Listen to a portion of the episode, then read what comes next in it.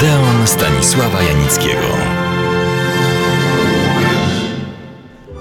Kończę dziś opowieść o René Clemencie, mistrzu zapomnianym, reżyserze francuskim, obsypywanym nagrodami, innymi na festiwalach w Cannes i Wenecji. Otrzymał ponadto dwa Oscary. Pierwszy za mury Malapagi, o których już Państwu opowiadałem, oraz za zakazane zabawy, o których chciałbym dziś opowiedzieć. Ale najpierw osobisty wtręt. Otóż, jeśli dobrze pamiętam, na przełomie lat 60. i 70. istniał przez kilka lat nowy tygodnik Teatr i Film. Jego naczelnymi redaktorami byli w działce teatralnej Edward Czato, wielce zasłużony dla polskiego życia teatralnego, oraz w działce filmowej Bolesław Michałek, naczelny tygodnika Film, w którym, tak na marginesie, ja wtedy pracowałem. Otrzymałem polecenie napisania recenzji z premierowego na naszych ekranach filmu francuskiego Zakazane zabawy. Jego reżyserem był znakomity reżyser René Clément, o którym aktualnie opowiadam, a o którym wtedy już co nieco wiedziałem. Widziałem przecież między innymi jego oryginalny i przejmujący film Potępieńcy – o ucieczce grupy hitlerowców wysokich rangą i zasłużonych dla zbrodniczego reżimu okrętem podwodnym do południowej Ameryki, konkretnie do Argentyny i Brazylii. Ten proceder nie był wymysłem zdolnego scenarzysty, lecz oparty był na rzeczywistych faktach. Szedłem więc na najnowszy film René Clementa, nie ukrywam, spodziewając się przynajmniej interesującego filmu. Rzeczywistość przerosła jednak moje oczekiwania. Ten film, Zakazane Zabawy, okazał się wstrząsającym arcydziełem. Jego głównymi bohaterami są dzieci francuskie w czasie II wojny światowej na dalekiej prowincji Francji. Film zrobił na mnie takie wrażenie, że nie byłem w stanie napisać poleconej mi recenzji. Mam to uczucie po dziś dzień, dlatego posłużę się obiektywnym opisem zilustrowanego leksykonu filmu europejskiego. Oto on.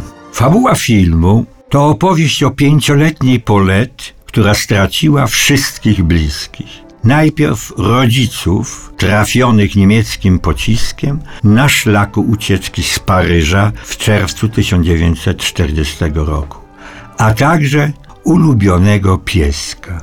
Później rozdzielono ją z jedynym przyjacielem, jedenastoletnim synem wieśniaków, u których znalazła się po tragicznej śmierci rodziców. To właśnie z Michelem bawiła się ona w owe zakazane zabawy, polegające na grzebaniu zwierząt, których mogiłki oznaczano kradzionymi skąd się tylko dało krzyżami. Zaczęło się od pochowania ulubionego pieska i podsłyszanej rozmowie dorosłych, wywołanej pochówkami wojennych uciekinierów. W rozmowie tej padły słowa: Wrzucono ich do dołów jak psy.